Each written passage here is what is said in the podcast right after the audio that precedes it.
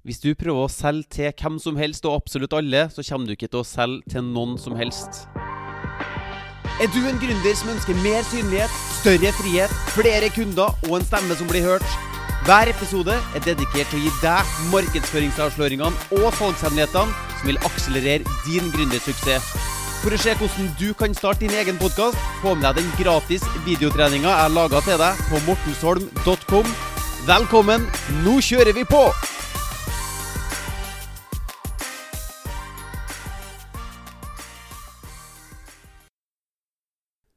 Har du hørt eh, uttrykket 'the riches are in the niches'? Eller har du hørt at du ikke må være en generalist, men en spesialist? Har du hørt at du må nisje deg ned? Det er mye sannhet i dette her. Eh, for min egen del så starta jo jeg i, som gründer i fotballtrenermarkedet. For hvis du ikke kjenner til min historie, så har jeg jo vært eh, fotballtrener siden 1990-tallet. Og i 2010 så fikk jeg vel min første fulltidsjobb som fotballtrener, og har i da mer enn ti år vært fulltids profesjonell fotballtrener for bl.a. aldersbetente landslag og osv. Så, videre, så, så da jeg først skulle starte min gründervirksomhet, så var det i fotballtrenernisjen, hvor jeg skulle ta den ekspertisen jeg hadde bygd opp som fotballtrener, og selge den videre til andre fotballtrenere. Men jeg gjorde jo én stor feil da jeg først begynte den gründervirksomheten. Det var jo at jeg lata som om alle fotballtrenere var like, og at jeg kunne selge noe som skulle passe til alle mulige typer fotballtrenere.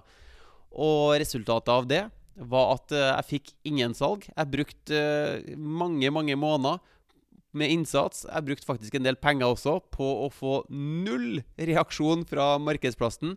Fordi at mitt salgsbudskap var diffust og generelt, og det er ingen som følte seg spesielt truffet av budskapet mitt. For jeg, tenkte jo at uh, jeg er litt redd for å ekskludere folk, for jeg vil jo gjerne selge til så mange som mulig. Jeg vil jo at alle sammen skal få den informasjonen her. Men ved å gjøre det, så, så traff jeg egentlig ingen. For uh, det, det, innenfor copywriting eller salgsskriving så er det noe som heter dog whistle copy, eller hundefløytetekstskriving. da. Eh, jeg vokste opp med bikkje sjøl eh, da jeg var liten, og da fikk vi en sånn hundefløyte. Som når jeg blåste inn, så hørte jeg vel egentlig ingenting sjøl, men hunden min reagerte veldig. Så konseptet med sånn her dog whistle copy er at det er bare dem du vil at skal høre det, som faktisk hører det. Så ved å nisje deg ned eller ved å nisje meg ned da jeg var i fotballtrenermarkedet og solgte fotballtrenerkurs der, så fikk jeg en kjempereaksjon. For at uh, fra å bare snakke om uh, fotballtrening, så retta jeg meg mot uh, fotballfedre, altså fedre som har barnefotballspillere, men som også ønsker å bruke fotballdeltakelsen til å bygge målrett målbevissthet og standhaftighet og robusthet og hele den eh, mentale biten der. Sånn at jeg bygde et mer sånn idrettspsykologisk kurs retta mot uh, fed, fotballfedre da, som har lyst til å følge opp sine unger i fotballdeltakelsen og bygge litt karakter i ungene sine. da. Og da var det mye enklere for meg å bygge et veldig sånn tydelig salgsbudskap som traff noen få. Jeg valgte bort de aller fleste i, marked, i fotballtrenermarkedet valgte jeg jo bort for å kunne snakke til noen veldig få mennesker, med å være krystallklar på hvem jeg snakker til, og hva, hvilke problemer de har, og hvilke utfordringer, drømmer, ønsker osv. akkurat de her menneskene har. Da kan jeg snakke direkte til dem. Så nei, det er ikke sånn at du må prøve å være generell og inkludere flest mulig i markedet ditt, for at, da, treffer du virkelig ingen. Det er floskler om dere, 'the riches are in the niches', og du må nisje deg ned og ikke være en generalist, men en spesialist. Men du store min, det er mye sannhet i det også. Det er mange eksempler på det, og jeg er også et eksempel på det her.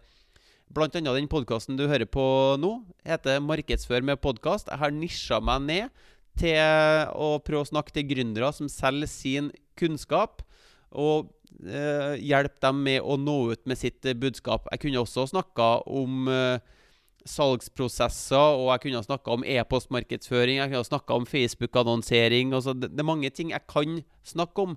Men ved å snakke om bare podkasting, så vil det være mye enklere for meg å posisjonere meg som han derre podkastfyren som hjelper eh, kunnskapsbedrifter på internett, eh, eller gründere som selger sin kunnskap, med å nå ut med sitt budskap og få flere betalende kunder. Så det blir mye tydeligere posisjonering enn om jeg skulle være han digital markedsføringsfyren, hvor jeg da vil drukne i et støy av mange andre digitale markedsførere som vil snakke om kanskje mye av det samme, eller kanskje forskjellige typer ting enn det jeg snakker om også.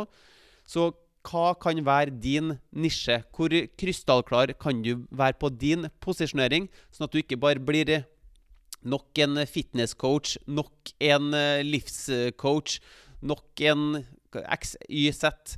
men at du blir den definitive eksperten på det bitte lille området her, sånn at du kan eh, snakke krystallklart og tydelig til din kjernemålgruppe.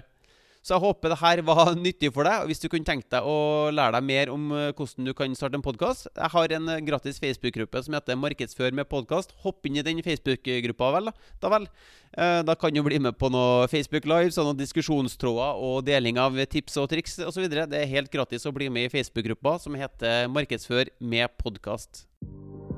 Hvis du vil lansere din egen podkast, sørg for å gå til mortensholm.com for å se den gratis videotreninga. Og hvis du vil ha flere episoder som dette, trykk på abonner-knappen, så høres vi i neste episode.